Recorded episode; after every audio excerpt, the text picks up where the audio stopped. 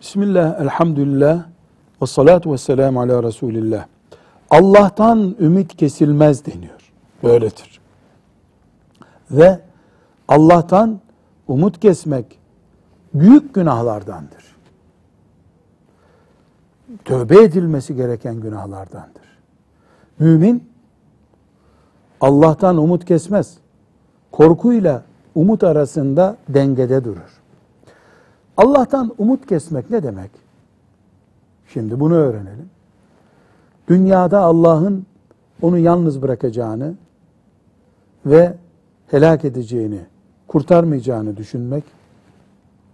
Bir, iki, Allah'ın istese de kul ona rahmet etmeyeceğini, mümin olduğu halde onu cennete koymayacağını, asla cehennemden başka bir yere girmeyeceğini düşünmektir.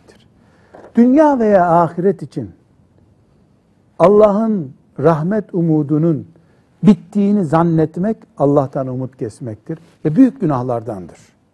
Mümin son 10 saniyesinde bile Allah'tan umutla yaşar. Bu umut olmadan da dünyanın da anlamı yok. Ölüp dirilmeye de anlam yok o zaman. Şeytana ise çok fırsat var. Velhamdülillahi Rabbil Alemin.